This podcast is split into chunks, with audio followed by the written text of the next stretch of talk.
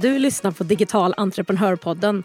Podden för dig som vill skapa skalbara, mer automatiserade och ökade intäkter med e-handel, digitala produkter, smart marknadsföring och få den frihet som du vet att ett mer digitalt företag kan ge dig. Det är jag som är Jenny med 20 års erfarenhet av marknadsföring, onlinehandel och företagande av att ta fram fysiska och digitala produkter, tre egna webbshoppar och dessutom hjälpt hundratals andra att lyckas med e-handel så lär jag dig det jag har testat och det som fungerar i den här podden. Att sälja på nätet behöver inte vara så svårt. Jag finns här vid din sida varje torsdag med praktiska och beprövade steg för steg-guider, lönsamma strategier och en massa inspiration. Nu kör vi! Att designa sitt eget liv, det låter väl hur bra som helst? Eller vad säger du? Och Det är också därför många av oss, mig själv inkluderad, startade eget från första början. Dagens gäst, Jenny Kay, hjälper just andra med det här, livsdesign. Så vi kommer prata om vad det är, hur du kan göra för att skapa den vardag som du vill, hur du blir effektivare, lägger upp dina vardagar och dagar, minskar stressen och hur du får ut mer av din tid. Samtidigt som det som sagt blir på dina villkor. Hej Jenny och varmt välkommen till Digital entreprenörpodden. Vad härligt att ha dig här. Ja, men tack så jättemycket för att jag får komma och delta i din podcast. Ja, men vad kul. Och vi hade lite teknikstrul här först, men nu så verkar det funka. Och Då sa jag ju vad härligt det var att få ha en annan Jenny här i podden. Och Det tycker jag ju är superhärligt. Att få prata med någon med så fint namn helt enkelt. ja, precis. Inte förunnat. Ja. Och Den här Jenny har väl de som lyssnar ganska bra koll på. Men den andra Jenny, eh, som jag också är jättenyfiken på, kan vi inte börja med att du berättar lite kort om vem du är och vad du gör? Absolut. Eh, jag heter Jenny Key och jag titulerar mig själv som power coach. Jag hjälper chefer och egna företagare med time management och stresshantering så att de når sina mål genom att jobba smartare och på deras egna villkor. Eh, plus att jag har startat och driver en coworking också sedan nu i januari i år, 2023. Eh, om jag ska ta lite privat så är jag mamma till tre barn, eller barn och barn. Den äldsta blir 20 här i juni och nästa blir 18 och så har jag en 12-åring. Eh, ja, fru och hundmamma är jag också. Bor ute på Värmdö som ligger ungefär 20 minuter från Stockholm, så jag bor ute på landet. Ja, det är kort och koncist av mig tror jag. Ja men vad kul. Eh, jag tänker den coworkingen, vad är det för någonting? Mm, det är ett eh, ja, kontorslandskap kan man säga på ja, dryga 100 kvadratmeter. Och så har den även lite mötesrum och sånt. Och där kan man hyra in sig att man betalar en månadsabonnemang. Och då får man komma dit och arbeta och ja, så allting ingår som är där, skrivare, kaffe och sånt. Så det är perfekt egentligen för egenföretagare och jag saknade sånt där community att gå till och arbeta. Eh, för jag tyckte det var lite ensamt att bara sitta hemma eh, och träffa kunder digitalt. Jag ville ha någon plats att kunna träffa mina ja, kunder och klienter och så. Så då startade jag ett eget ställe. Mm. Ja, men ibland får man ju bara ta tag i det själv helt enkelt. Det är ju inget annat. Nej, precis. ja, men vad, vad kul. Ja, men det låter ju jätteroligt. Jag tänker då är det ju inte ett helt digitalt företag du har, utan du har ju den delen. Har du andra saker också IRL eller hur, hur ser fördelningen ut för dig? Ja, fördelningen för mig är väl att jag har digitala kurser och eh, eh coachningar eh, som är via ja, en plattform som jag använder mig av. Sen har jag även då kurser och eh, coachningar IRL också, eh, beroende på vad ja, kunder och klienter vill ha. Eh, jag är också ute och föreläser ibland, vilket gör att då är jag också ute på, på plats hos företag eller på deras, ja, ifall de har hyrt någon konferensanläggning eller sådana saker. Eh, sen så har jag ju coworkingen där jag sitter och arbetar och tar hand om dem, men den flyter ju på ganska bra. Det är väl bara att se till att saker och ting funkar och vara trevlig. Men det, det är inte så jättesvårt kanske. Nej, precis. Nej, men vad härligt. Det låter ju ändå som att det här blir en bra väg in på det som vi ska prata om. För du pratar ju mycket om det här med att liksom designa sin egen livsdesign. Och vad är livsdesign för någonting?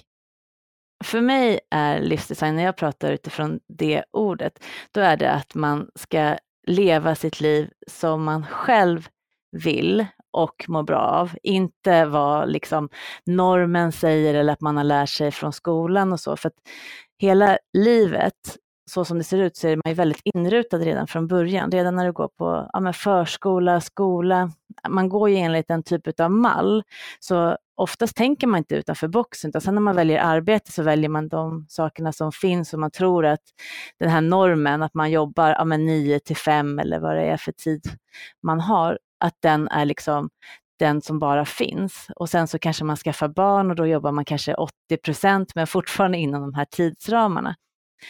Och det funkar ju säkert för många som trivs med den, att man har den här inrutade eh, tidsaspekten. Men för väldigt många så fungerar ju inte det, för att det funkar inte med ja, men livspusslet eller ja, antingen för man har barn eller man kanske har hund som man måste gå ut med på dagarna eller sådana saker.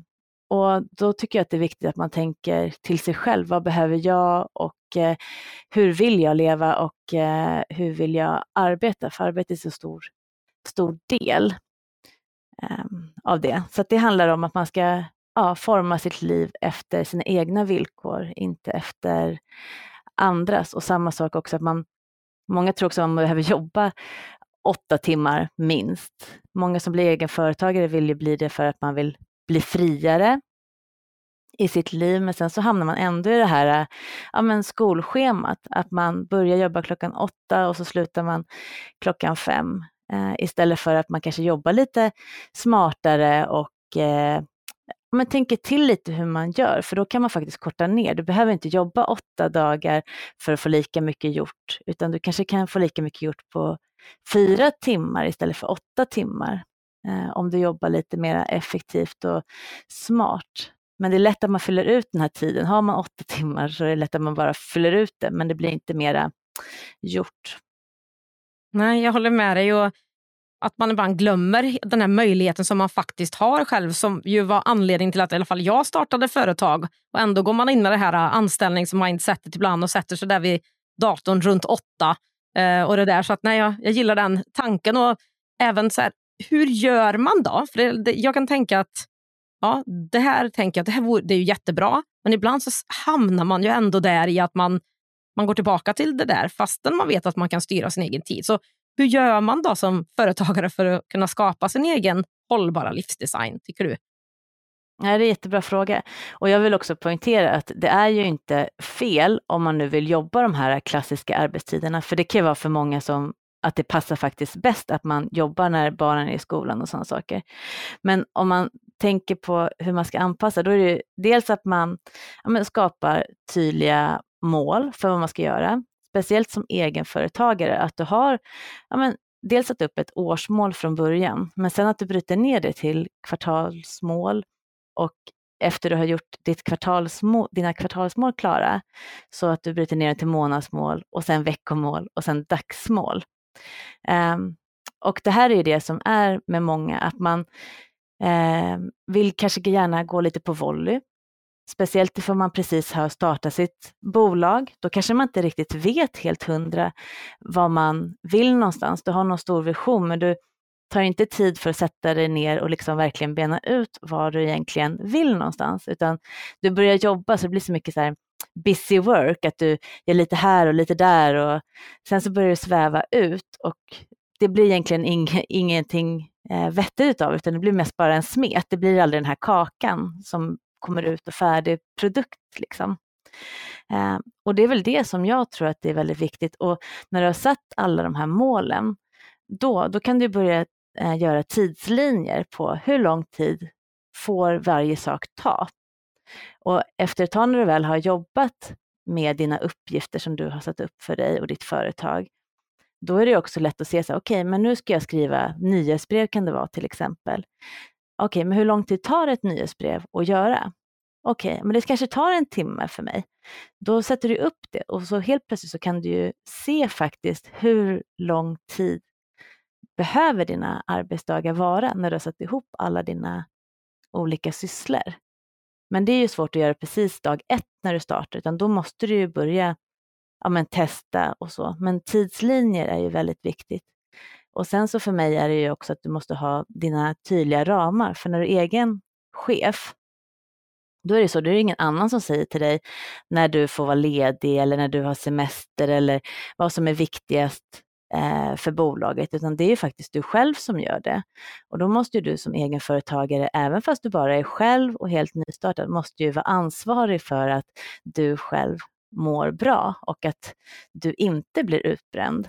För det är ju lätt också att bli som egenföretagare. Även fast du brinner och tycker allting är jätteroligt så måste man ta de här pauserna, återhämtning. Du måste äta din lunch egentligen för att vara så effektiv som möjligt. Men många gånger så väljer man bort det för man vill komma framåt så fort men det tar lite längre tid istället för att du liksom tar hand om dig själv och din kropp. Så det jag har det är att jag har icke förhandlingsbara och för mig är det ju eftersom jag har då har barn den yngsta är ju 12 så jag har inga småbarn längre. Men jag vill gärna kunna vara till hands för även mina stora barn behöver hjälp när de går i gymnasiet och sånt. Så jag vill kunna vara till hands och jag vill inte jobba egentligen på lovdagar, vilket är i Sverige har man ju väldigt mycket skollov. Um, och då har jag ju satt det i min, den här årsplanen, att jag har liksom blockat dem loven. Att då vill inte jag ha några saker som inte går att flytta. Jag kan jobba med lite så admin-saker under tiden när de sover eller när de gör någonting annat, men jag vill inte ha möten och sådana saker. Och det ser jag också som en stor del av en livsdesign, att man lägger sitt pussel och att man hela tiden utgår från en själv först. Ja, verkligen. Jag, jag håller med dig. Och jag, jag tycker ju bara att man blir mer fri och kreativ av att vara strukturerad och ha en bra planering. Eh, men alltså kanske många som känner sig kanske mer... Man, de tror i alla fall att man blir mer styrd. Jag vet inte, hur tycker du? Hur ser du på det? Ja, det är många som blir eh, lite rädda eller tycker att det är lite olustigt att planera för mycket. Eh, för att de känner sig låsta. Men jag håller med dig där till fullo, att jag tycker att man man har ju mer utrymme då att vara kreativ och hinner man klart med saker som man har planerat då kan man ju lägga in i sådana fall nästa grej om man har sin idébank för saker och ting man vill göra, om man har det liksom klart för sig. Och sen så är det ju också att många kan ju vara rädda att göra sin planering och sätta mål och så, likt som en budget, att man inte riktigt vill sätta den, för då, då har du ett facit sen och se ifall att du har lyckats eller att du inte har lyckats. Så då väljer de att kanske bara köra på utan att ha några konkreta mål, för att då kan de ju inte misslyckas. Men det är ju svårt också att lyckas om du inte vet vart du ska någonstans. Ja, verkligen. Och jag tror ändå att vi jobbar, du och jag jobbar nog gissningsvis ganska lika med det här med eh, årsmål och 90 dagars plan och sen planering veckobasis och månad och dagar och sådär. Hur rent konkret gör du det? Har du, är det papper, penna, är det dator? Alltså, kan du dela med dig något tips om hur du gör det? Jag är ju hybrid kan jag säga. Jag älskar min digitala kalender. Det är ju som min eh, assistent för mig, så jag måste ha allting där i för att ha koll på vad jag ska göra och när jag ska göra möten och sånt. Det är jätteviktigt för mig att jag lägger in där, annars är det superlätt för mig att jag ska missa det. Men när jag planerar, då vill jag gärna sitta med papper och penna just för att för mig är det lättare att det flödar fritt när jag skriver för hand och också om jag skriver ut ett årsschema så ser jag så tydligt på hur det ser ut när jag har mina olika lanseringar och när barnen har skollov eh, och ifall vi, det är eventuella resor och högtider och sånt. Så då vill jag gärna skriva mina mål och det för hand och sen så att jag implementerar det in då också i en kalendervy som är för hand. Och när jag har satt den här strukturen, då lägger jag in det i min digitala kalender. Hänger du med? Ja, absolut. Nej, men, ja, jag känner igen det där också. Jag gillar också mm, papper och penna. Det, det som du säger, det flyter på på ett helt annat sätt då, i alla fall för mig också. Jag tänker dina bästa tips för att effektivt hantera kalendern då? För det var vi ju lite inne på nu också.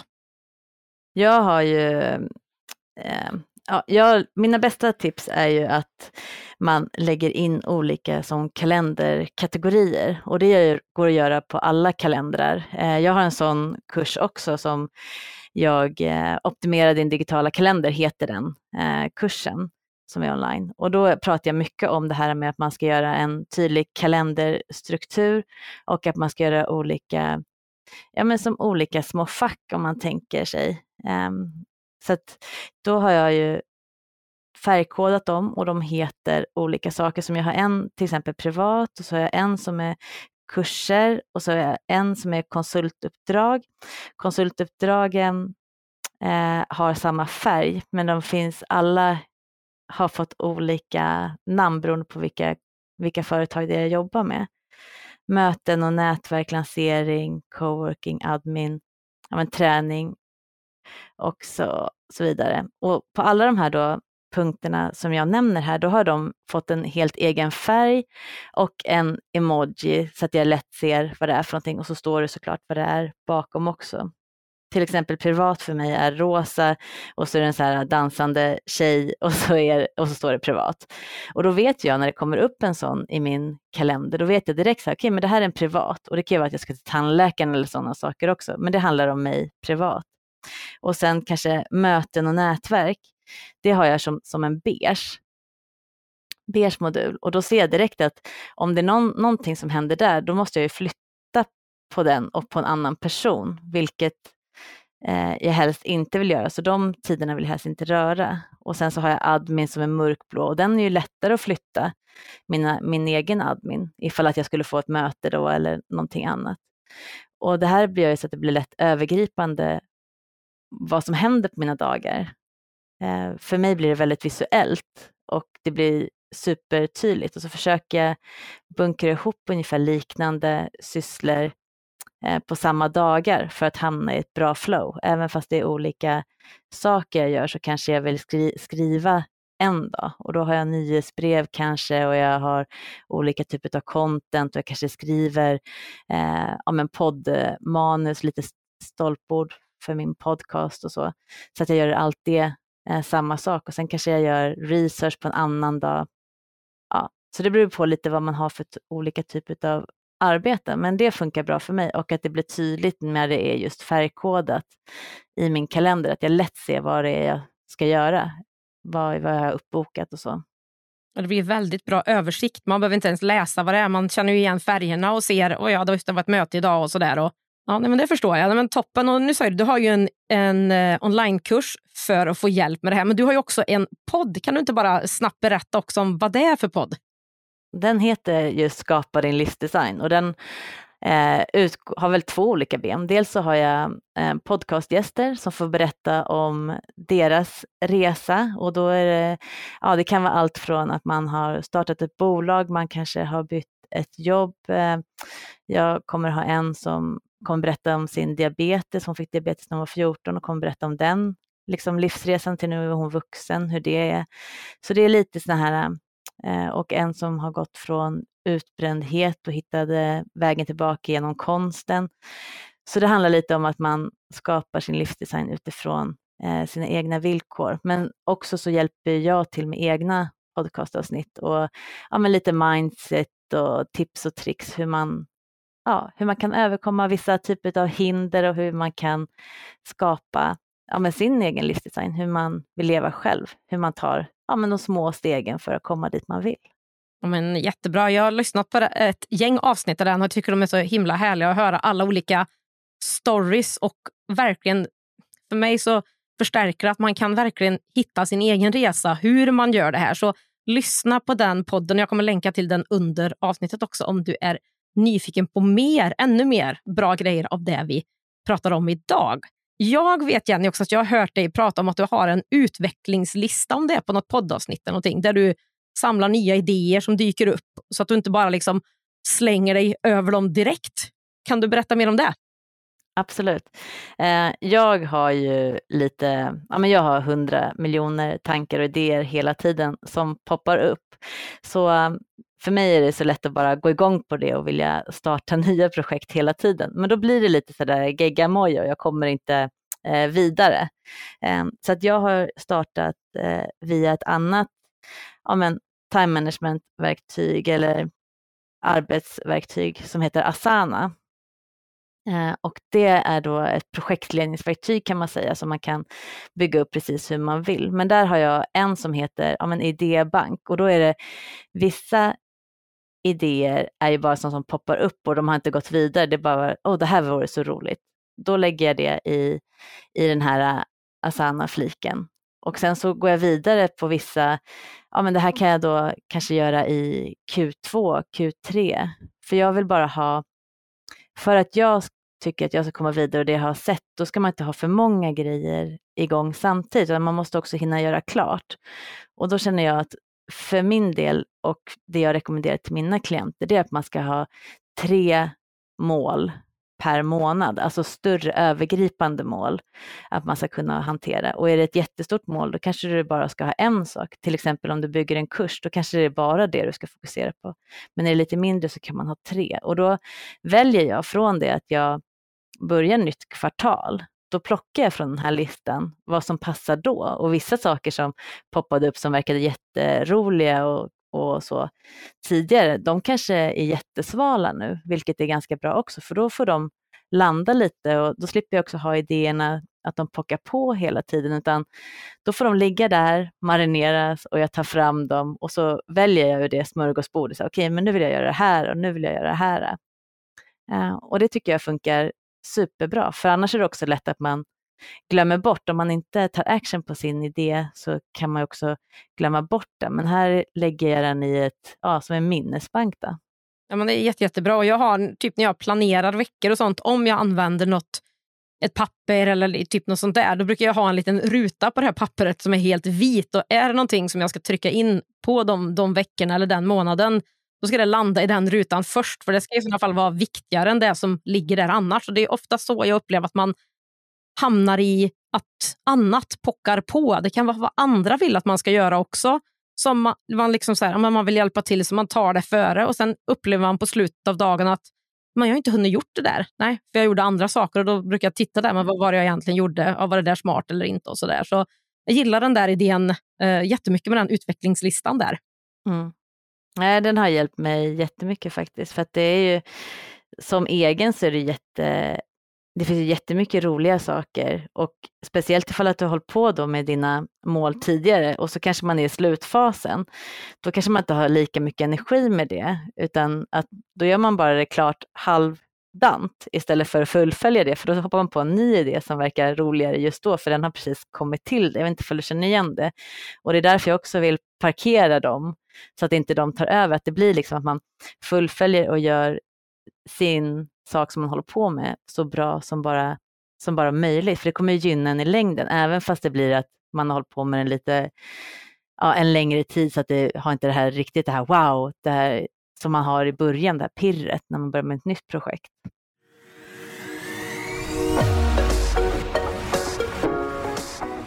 Digital entreprenörpodden görs i samarbete med Ebbecart, en av Sveriges största e-handelsplattformar Ebbecart vill ge alla möjlighet att starta och driva en grym webbshop och är den plattform jag själv använder och rekommenderar för dig som vill starta din e-handelsresa. På ebbecart.se kan du testa, bygga och till och med börja sälja i din e-handel under 30 dagar innan det kostar en enda krona. Kom igång direkt på ebbecart.se. Mer eh, tips ifrån dig om jag som företagare vill jobba mer effektivt. Vad tänker du då? tycker jag låter jättebra. Ja, men, men det jag tycker först med eh, effektivt är att du ska eh, titta också på, men vad är det som är viktigt och vad är det som är bråttom? De två behöver inte alltid vara samma sak. Eh, och att du verkligen sätter dig ner och skriver upp dina viktigaste saker som du behöver göra. Och att du kanske då tar pomodoro-metoden, funkar jättebra för mig.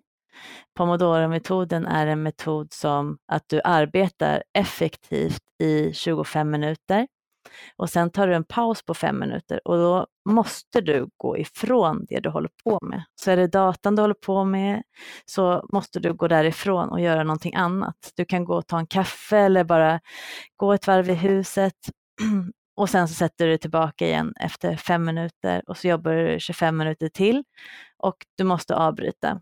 Och det här är för att man ska jobba i så eh, fokuserat som möjligt. Och ifall att du gör det så ska du också ha allting klart för dig. Så du ska inte sitta och börja hålla på och eh, göra massa research och det under tiden du ska skriva en artikel säger vi. Då ska du inte sitta och göra research och ta bilder och sånt, utan du ska jobba med en sak i taget. Så är det att du ska ta fram bilder, då är det bilder du ska ta fram under de här 25 minuterna. Är det texten du ska ta fram så är det texten du ska ta fram i de här 25 minuterna. Så att man liksom verkligen kategoriserar det för att bli så effektiv som möjligt. Att du liksom verkligen smalar av din uppgift. Det är en sak. Sen så för att vara, det är mycket saker som tar ens tid, så att för att effektivisera dagen så skulle jag verkligen säga att både mejlen eh, och sociala medier, eh, att man skapar riktlinjer som passar en själv för det. Men det jag rekommenderar det är att man behöver inte, som småföretagare eller egenföretagare så behöver man oftast inte kolla mejlen mer än två gånger per dag. Och det här är för att man inte ska hela tiden sitta och titta på mejl, för det, det är mycket mera mejl som kommer än det som verkligen är viktigt och brådskande, utan det är massa nyhetsbrev, det är reklam, det är annat som kommer in. Det kan vara att man har notiser till och med på sin mejl, så då kommer det helt, helt plötsligt LinkedIn-saker eller Instagram-notiser i din mejl. Och varje gång det pockar upp en sån där eh, påminnelse i rutan eller att du ser att det tickar på med mejl, då går du in där för att hjärnan funkar ju så. Att man blir nyfiken, det pockar på någonting där. Och då tappar du ditt fokus. Och så kanske du går in på LinkedIn och svarar och då tar ju det tid och så hamnar du, hamnar du där lite längre än vad du tänkte, så helt plötsligt har det gått en timme ehm, och så har du tappat det du egentligen skulle göra. Så här skulle jag också göra att jag kollar mejlen. Och när jag kollat mejlen så stänger man ner mejlen. Och så att det inte blir att det plingar till hela tiden. Och samma sak med sociala medier. Att är du där inne för att marknadsföra dig och ska ja, men nätverka och så, att man har tydliga riktlinjer för sig själv. För att det är ju superenkelt att det bara försvinner flera timmar på en dag för att man är inne och ska inspireras eller researcha. Men då ska du verkligen göra det med intuition, inte att du bara slöskrollar. För då kan det ta halva dagen nästan. Så Inga onödiga öppna fi, alltså flikar heller på din data, att du jobbar. Det ser jag också jättevanligt att man har hundra olika flikar uppe. Men det tar ju också fokus från hjärnan omedvetet. Lägger du upp din dag på något speciellt sätt? Att du börjar med att se över de här målen på morgonen och liksom drar in dig i större sjok och alltid har mejlen vid typ samma tillfälle? Eller har du något, eh, har du något speciellt där? För det första så brukar jag försöka att inte, jag brukar inte titta på mejlen det första jag gör, utan jag försöker att ha min eh, lista tillgänglig i min kalender, att jag har mina tre uppgifter som jag vill göra och det har jag sett, satt redan dagen innan. Så innan jag stänger ner dagen innan, då så tar jag en kvart för att fundera på, men vad är det för tre saker som är viktigast nästa dag? Och så skriver jag ner de tre sakerna. Och då behöver jag inte heller tänka på det på kvällen, utan då kan jag släppa det helt och hållet, vilket också är skönt, att jag vet ju vad jag ska göra. Så när jag öppnar min data, då vet jag mina tre viktigaste saker som jag ska göra. Och då försöker jag göra den så, saken som är tyngst för mig, om man säger, det som jag tycker är lite, har lite motstånd i, så att jag hinner göra den först. För oftast är det att den går mycket fortare än vad man hade tänkt sig och så får man den överstökad ur världen istället för att den ska vara som en så här, ja, överhängande eh, sak som man har under hela dagen istället. Så det försöker jag göra. Och sen så brukar jag kolla på mejlen ungefär runt ja, men 11, skulle jag säga 11, halv 12. Och då har jag ju hunnit klart med mina, mina, den här tyngsta uppgiften och så kollar jag mejlen där och sen så gör jag samma sak ungefär vid tre-tiden, att jag kollar mejlen igen. Och sen ifall att man vet om att man ska få någonting, att man väntar svar från någon, då är det klart att man kan gå in och kika oftare om det är så att man behöver det i sitt arbete. Men jag uppfattar inte att man behöver gå in så mycket oftare på sin mejl. Nej, det håller jag verkligen med dig om. Det behöver man ju inte. Det är bara att man mer än nyfiken ibland upplever jag för mig själv. Så jag, jag stänger verkligen av och försöker fokusera för annars är jag, jag lätt, eh, blir lätt eh, hitta något annat att göra.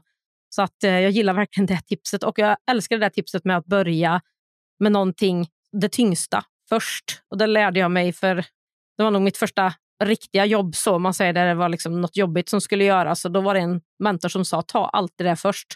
Det kommer inte vara så jobbigt som du har tänkt och du blir av med det och du kommer få en så god känsla resten av dagen att du har gjort det där och det var inte värre än så där. Så jag, jag gillar verkligen det. Det görs studier på det också, att i skolprojekt, de som har gått i högskola, att det har varit frågor, vad, ty vad tyckte ni var jobbigast? Och då är det just när de gör projekt och då var det att de inte kom igång och startade. Men när de väl hade startat så tyckte de att det var mycket enklare än vad de hade, så de har gått med ångest då för att göra det här projektet istället för att tagit tag i det och fått överstökat. Jag tänker verkligen att det är så som du säger, det finns studier till och med, så det är ju superhäftigt för det, ja, det gör verkligen någonting. Så det är ett absolut tips till dig som lyssnar om du gör tvärtom. Dra inte ut på det utan gör det direkt istället. Eh, jag tänker andra tips, tankar som du har kring minska känslan av stress eller stressa mindre. Jag vet inte hur man ska formulera den frågan riktigt, men du kanske förstår vad jag menar.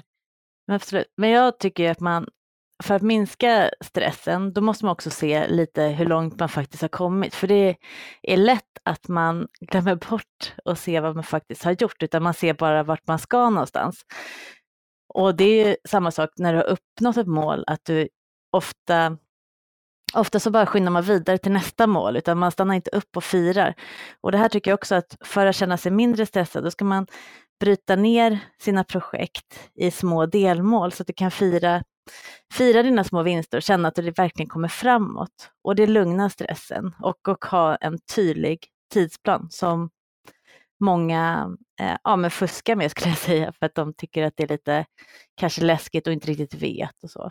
Och sen så skulle jag säga att man ja, men, ta sig tid att gå ut på lunchen, att man tar promenader, att man stänger av ibland istället för att bara sitta vid datorn hela tiden för man tänker att ja, men det kommer ju, då kommer jag komma fortare framåt. Men det gör man oftast inte. Man behöver lite den här vila, vila upp sig och då med rörelse och så också och gärna ut i naturen. Ja, det är härligt. Det är som att eh, axlarna sjunker ner direkt när man får se lite luft, himmel, skog runt sig, så där vatten. Ja, precis. Och jag vet ju, du har ju också hund, precis som jag, så att det är en fördel med hunden. Man måste ju verkligen komma ut och röra sig. Du kan ju inte sitta inne och knappa hur länge som helst, utan de måste ju ut. Så det är, det är en fördel med att ha hund, att du blir tvingad. Ja, verkligen. Jag tänker på det här med livsdesign och prissättning. För jag upplever, liksom, och som jag ser många kanske nya också, som sätter man hamnar i stress för att man har lovat för mycket till kunden mot vad egentligen man har tagit betalt för eller att man tar för lite betalt för det man säljer. Så frågan prissättning versus livsdesign, hur ska man tänka där? Ja, den är ju faktiskt eh, svår. Jag förstår ju att den är svår precis i början, för man vet inte riktigt. Det är många, det är lite mindset där också. Hur mycket är man värd egentligen och vad kan jag och så. Men för att veta vad man behöver ta för priser egentligen så måste du ju samma sak där. Du måste ju bryta ner vad behöver du få in per månad eh, för att känna dig trygg.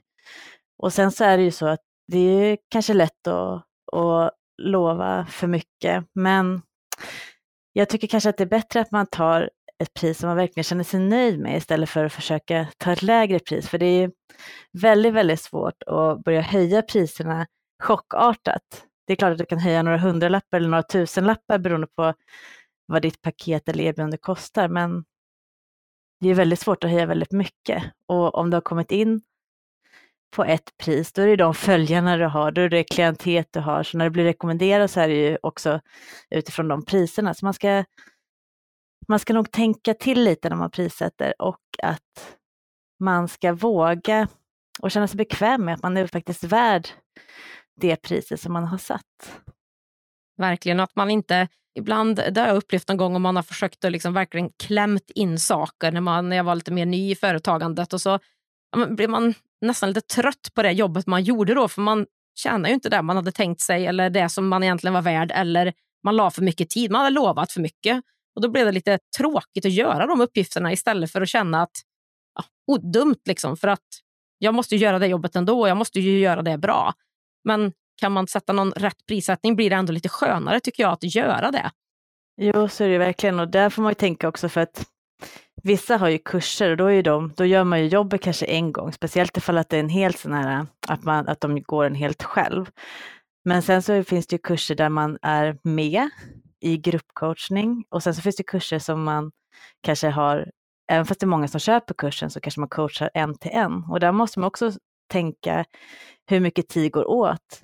För det är ju inte bara ifall, som ifall jag tänker på mina coachingtillfällen, om jag säljer en timme, då är det ju inte bara en timme den coachningen tar, utan jag måste ju förbereda mig lite innan och sen så måste jag ju eh, ja, för, göra lite klart efteråt för att ha koll sen till nästa coachning. Så jag måste skriva lite eh, grejer om det coachingsamtalet så att jag har koll till nästa gång. Och det där är också en lätt sak att man glömmer bort och sen så prisdumpar man och det är många också som inte vill köpa tjänsten, även fast de tycker om dig jättemycket och så. Har du för billigt så tror folk att du inte kan saker. Så det är ju en sån sak också, man ska sätta ett värde på den tjänsten man har och den kompetensen man har. Eh, att verkligen våga, våga sätta rätt pris från början. Jag håller med dig. Och vi pratade lite om det här med mindset också och bygga det här starka, tro på sig själv. Har du något tips till eh, den som lyssnar på hur man kan göra det? Ja, det jag skulle säga det är att man lyssnar inåt, eh, försöker stänga av bruset och eh, ja, våga, våga gå lite utanför din komfortzon varje dag. Eh, även fast det är obehagligt, att du verkligen pushar dig. För det är så lätt att titta på andra och är man ny så kollar man kanske mycket på liknande företag på sociala medier. Och sen tänker man, oh, men de kan så mycket eller de har gjort det här så länge. Men att, om man bara försöker lite mer varje dag och försöker också få in säljet, för det är många som också inte riktigt vågar, våga sälja. Men det räcker med kanske att du lägger ut ja, men en gratisguide eller någonting eh, några gånger i veckan eller att du säger, gör något call to action, att de ska gå in på din hemsida, att de ska boka ett första samtal, att man vågar liksom öppna upp för sälj. För det ser jag att det är många som inte riktigt, riktigt vågar. Också följ, följa sin magkänsla. Ja, nej, men jätte, jättebra tips och lite vidare, spinna vidare på det är ju ändå när man är egen så är man ju sin egen chef. Har du något tips på hur man blir en bra chef till sig själv? Ja, alltså det är väl, det är väl öv, övning. Men det är också så här att man får ju tänka. Ibland så får man ju stå, stanna upp och, och tänka och reflektera och känna så här, men gud, hade, hade jag varit min egen anställd, hur hade jag reagerat på den här situationen? För det är väldigt vanligt att man pushar sig själv lite för hårt och att man liksom inte gör det här helikopterperspektivet för att man tycker inte man hinner. Och det ser jag även i organisationer och med chefer som leder grupper, att de stannar inte upp och tittar på liksom helikopterperspektivet. Okej, okay, var ska nästa steg vara? Utan de bara fortsätter jobba. Och det, det är mycket så, både när du ska försöka bygga upp någonting, någonting helt nytt och när det går väldigt bra så är det också lätt att man bara jobbar på, jobbar på och släcker bränder istället för att stanna upp, reflektera, okej okay, men vad har gått bra, vad har gått mindre bra, vad kan jag göra annorlunda? Och där får du också ta med, eftersom du är din egen chef, så måste du ta med din egen hälsa i det formuläret också. Liksom. Eh, och det tycker jag man ska göra egentligen varje, varje vecka, men minst en gång i månaden, alltså verkligen minst en gång i månaden. Jag menar, jättebra tips. Och jag tänker så här, vad är din, din egen hållbara livsstil och livsdesign? Vad är viktigt för dig och dina ramar? Mm, för mig är mina månader otroligt viktiga. Eh, att jag får börja långsamt. Så att jag går ju upp i ja, bra tid, gör jag. Och sen så dricker jag lite kaffe, sitter och funderar lite på ja, men dagen. Inte något jätteavancerat, när jag bara sitter och förlurar lite. Sen går jag upp och väcker lillkillen som ska gå till skolan. Och sen efter jag fått iväg honom så går jag ut med promenad med hunden. Och då är klockan ungefär, och sen gör jag ordning efter det, så då är klockan ungefär tio när jag börjar arbeta och det känner jag är ganska skönt för mig. Jag trivs verkligen med att ha den här lugna, lugna stunden innan jag börjar jobba. Och sen så att jag verkligen fokuserar på det som behöver bli gjort för att inte behöva jobba så många timmar, eh, men ändå komma framåt. För jag känner gärna att jag ja, men slutar gärna jobba redan vid tre, fyra också för att ha ja, mera kväll och så. Och sen så att jag verkligen ser till att ja, men kroppen mår bra, att jag är ute varje dag, att jag rör på mig. Eh, gärna att jag tränar, om inte annat att jag verkligen har ja, men varit ute och gått långt och kommit upp i puls och så. Och att man äter, äter bra också. Och att man inte fuskar, för det gjorde jag mycket tidigare när jag var anställd, att jag hoppade över lunchen och så, eller satt och slafsade i mig vid skrivbordet. Och det, alltså man mår inte bra utav det. Det blir inte bra i slutändan. Och att man får ordentligt med sömn, att man går och lägger sig i tid och så. Och absolut, vissa dagar kanske man inte kan det av olika anledningar, men att man ser till att få ordentligt med sömn, för det är också väldigt viktigt för att hjärnan ska återhämta sig och processera det som har hänt och att du ska liksom, ja, minnes, minnesbalken och allt det där är jätteviktigt att du får ordentligt med sömn. Så att mat, sömn, rörelse, att man inte slarvar med det liksom. Och få frisk luft tycker jag är super, superviktigt. Du är ändå din, det är ändå din största, alltså i ditt företag så är ändå du det som är viktigast. Men det är oftast dig själv som du slarvar med. Så det är det som man måste eh, trycka in i sin egen hjärna. Så här, men jag är viktig. Det är viktigt att man tar hand om sig själv för att orka. För det är ingen annan som kommer ta hand om ditt företag om du går in i väggen eller får du bli sjuk och så. så att, då är det bättre att man förebygger det innan.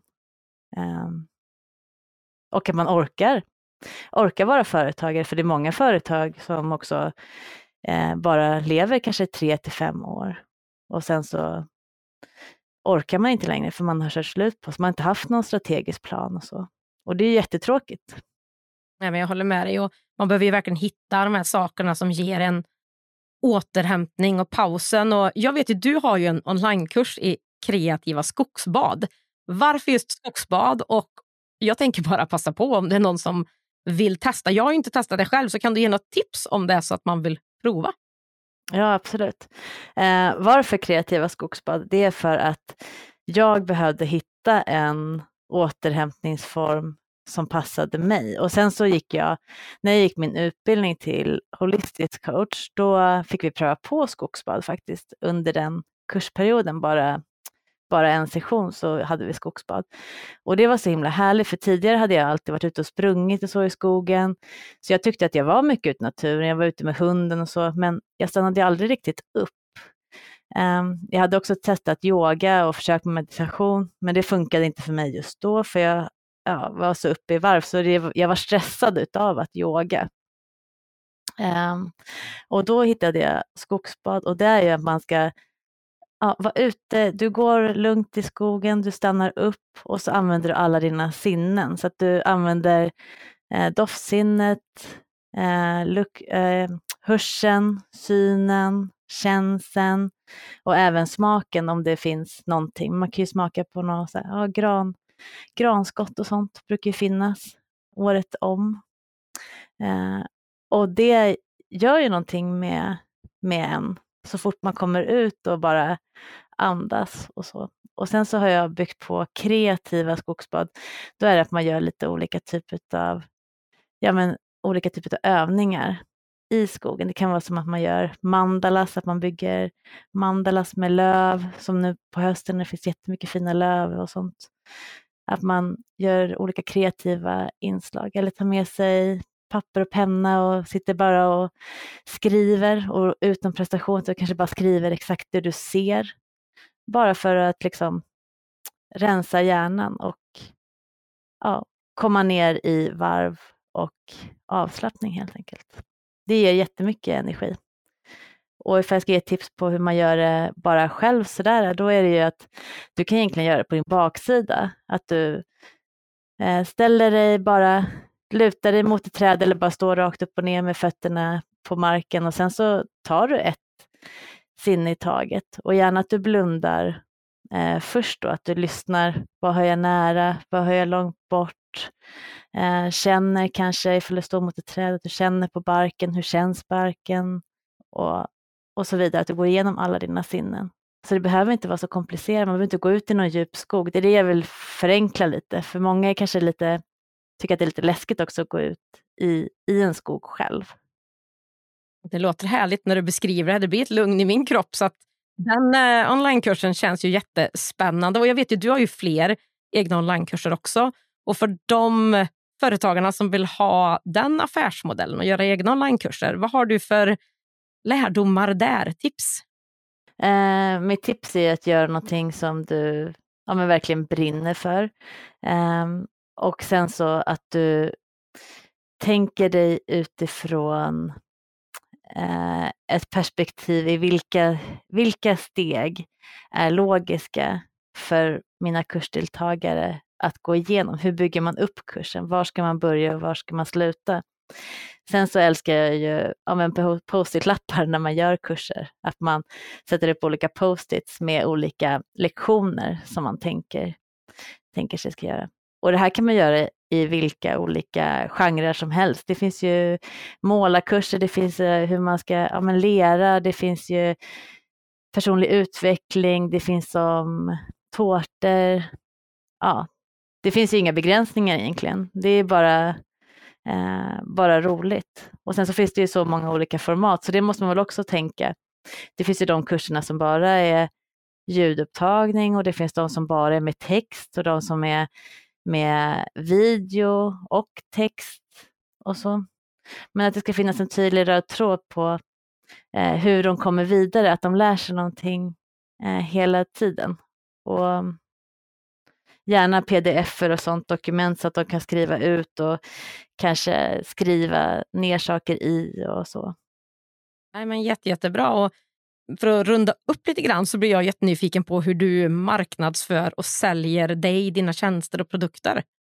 Jag eh, pratar om dem lite i min podcast. Sen så har jag ju ett Instagramkonto eh, som jag marknadsför dem på också när jag har kurslanseringar. För det är bara eh, optimera din digitala kalender som jag har på Evergreen. Att det betyder att man säljer den hela tiden.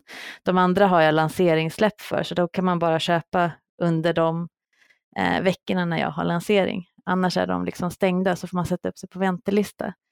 Och eh, det jag gör det är att jag har olika typer av gratisguider för mina kurser som man kan skriva upp sig på och då hamnar de på mitt nyhetsbrev som jag skickar ut en gång i veckan. Och därigenom marknadsför jag också då när det är dags. Plus att jag ger ja, men värde under tiden. Jag ger tips och tricks och så, bygger relation. Um, så nyhetsbrevet skulle jag säga är min största eh, kanal för marknadsföring faktiskt.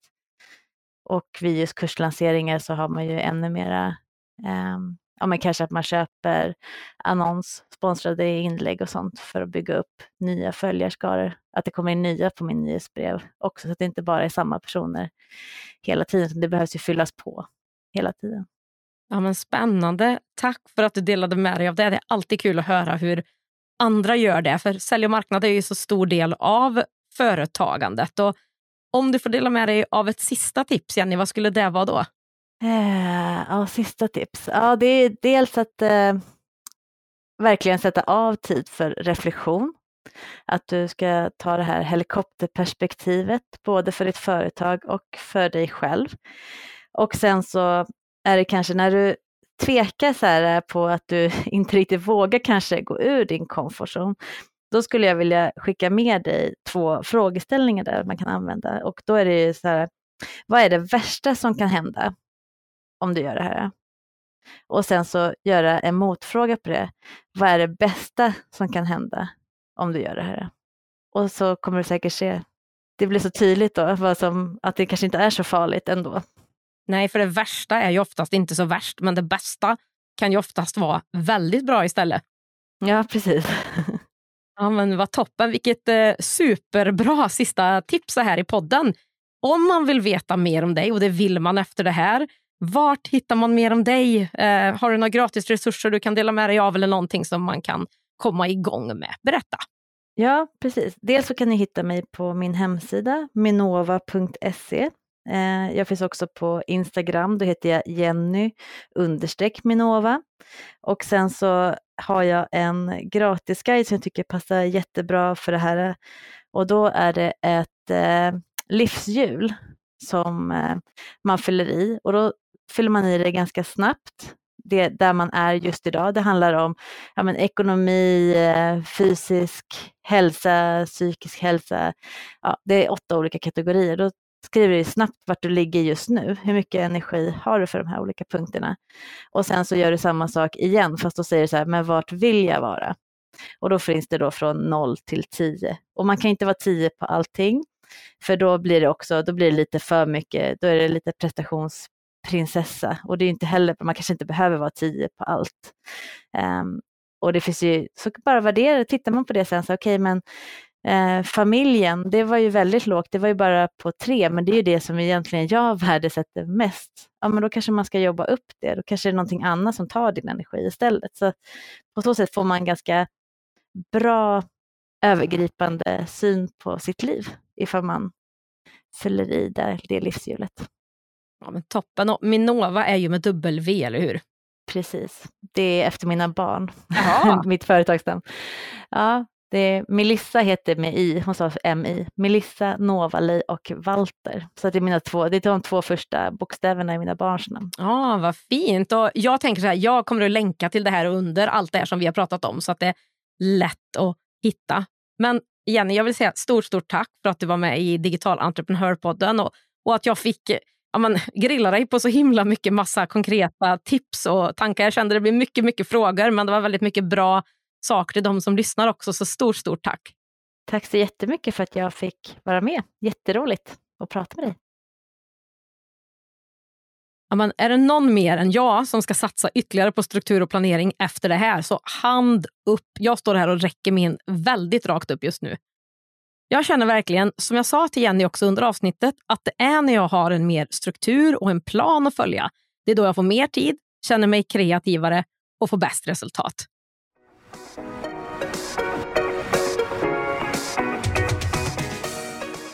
På digitalentreprenör.se podd hittar du länkarna till det vi har pratat om idag, fler poddavsnitt och kan läsa mer om poddens samarbetspartners, e-handelsplattformen Abicart.